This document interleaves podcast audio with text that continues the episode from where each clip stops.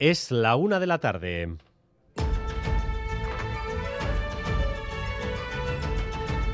Crónica de Euskadi con Dani Álvarez.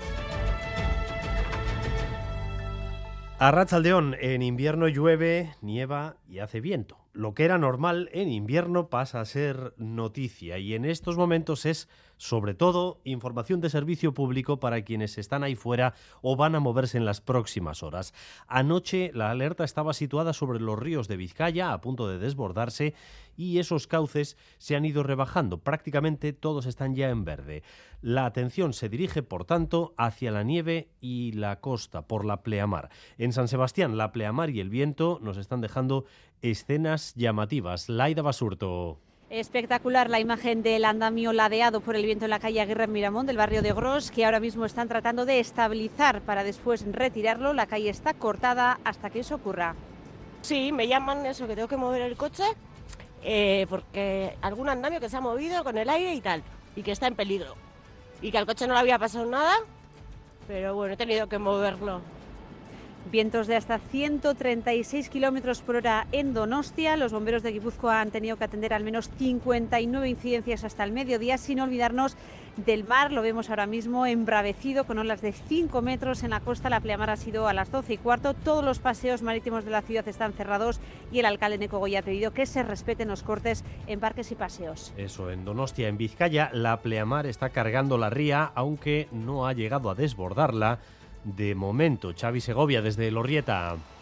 A Rachaldeón sí, desde Lorrieta, donde impresiona ver la verdad al límite de su capacidad esta ría. En cualquier momento se podría registrar algún desbordamiento. Lo que ya es palpable es la gran cantidad de balsas de agua en esta carretera de la ría, especialmente en la zona de Erandio, donde llueve de manera intermitente e intensa, lo que no ayuda precisamente a bajar el caudal de la ría, que baja con gran cantidad de desechos y también de pequeños troncos. Como decíamos, los ríos están volviendo a su cauce. Nuestra unidad móvil con Jorge Ibáñez y Natalia Díaz lleva desde primera hora recorriendo las cuencas que han amagado con darnos un susto.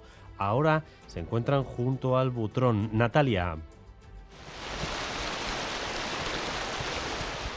A Rachaldeón, este es el sonido en directo de cómo baja el butrón en Gatica. Las cuencas de los ríos siguen contenidas gracias a que ha bajado la intensidad de las lluvias, sobre todo desde la madrugada. Se cruzan esos y los dedos para que no vuelva a llover como ayer y que la tierra pueda ir absorbiendo poco a poco tanta agua. Vemos a estas horas mucho caudal, bajos, caminos y huertas anegadas. Se sigue la evolución al minuto y se pide mantener al máximo la precaución hasta que el paso de esta segunda fase del temporal permita bajar la guardia. Los responsables de meteorología y emergencias avisan lo que viene puede ser una buena nevada, una gran nevada. Así que en Vitoria-Gasteiz, por ejemplo, ya están en guardia, Sonia Hernando. Ya se están colocando las sacas, las sacas de sal en 35 puntos de uso público y se ha activado desde hace media hora la fase de emergencia 1 del plan de nevadas de Vitoria-Gasteiz ante las previsiones que anuncian la llegada de la nieve a 300-400 metros. Gasteiz está a una altitud de 525. En el territorio ya están activados 21 camiones quitanieves a los que se añaden los recursos de las cuadrillas que cuentan con sus propios tractores quitanieves. Ahora mismo, con paz de espera, todos los puertos de montaña están abiertos. Lo más crítico se espera para esta noche y mañana por la mañana. En unas horas, por tanto, nuestras ciudades, incluso a nivel del mar, podrían blanquearse como ya lo están haciendo las cumbres medias. Es el caso de Urquiola o Altuve, donde ahora mismo está Xavier Madariaga. Xavier. Sí, en Altuve, puerto abierto. Ahora mismo está nevando y ha nevado también hace una hora, pero no acaba de cuajar. Este es uno de los puntos donde el Departamento de Seguridad nos pide precaución. Vemos seis quitanieves listos y el depósito de sal hasta arriba. Para venir hasta aquí hemos pasado por Urquiola. También allí hemos visto los primeros copos de nieve. Sus picos están ya blancos y sus campas empiezan ahora a blanquear. Allí también los quitanieves arriba y abajo por el momento solo echando sal.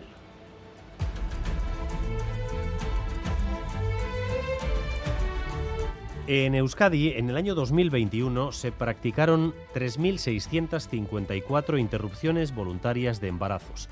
El 95% de esas intervenciones se hacen en clínicas concertadas y la franja de edad donde más se dan es entre los 30 y los 34 años. Natalia Serrano. La mayoría eran residentes en la comunidad autónoma vasca, cerca de un centenar fueron derivadas de otras comunidades.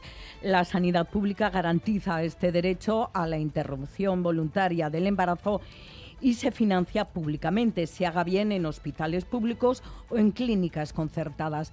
La mayoría, el 21% de las mujeres que optan, deciden interrumpir su embarazo, se sitúa entre los 30 y 34 años. Solo un 0,36% se sitúa en la minoría de edad. Mayoritariamente trabajan por cuenta ajena o están en paro a la, espera de su primer trabajo. El grupo de expertos que integran Sedarriac, entre los que están Pedro Luis Uriarte, Amaya Gorostiza o Antón Pradera, han elaborado, han elaborado un informe sobre la situación socioeconómica de los jóvenes en nuestro país y proponen, para aumentar sus oportunidades y su participación social, que haya cuotas para ellos en empresas e instituciones. Cuotas para jóvenes. Rodrigo Manero. Sí, los jóvenes menores de 30 años son el 14% de la población vasca, pero su presencia en los partidos políticos, el Parlamento o los consejos de administración de las empresas es testimonial. Sedarriac cree que deben tener más protagonismo y, como se hizo con las mujeres, propone establecer cuotas para ellos en esos ámbitos. Hace falta, dicen, un pacto de equidad intergeneracional y también atraer más talento a las empresas vascas. Para ello abogan por flexibilizar el sistema educativo, de manera que profesionales de otros territorios o países con hijos tengan más fácil instalarse en Euskadi. En enero del 2024 se cumplirán 100 años del nacimiento de Eduardo Chillida. La fundación que lleva su nombre prepara una programación conmemorativa que se desarrollará a partir de esta primavera y hasta 2025. Con motivo de ese centenario se ha lanzado una nueva página web dedicada a Chillida y se filmará un documental sobre la historia del caserío Zabalaga. Miquel Chillida es nieto del escultor.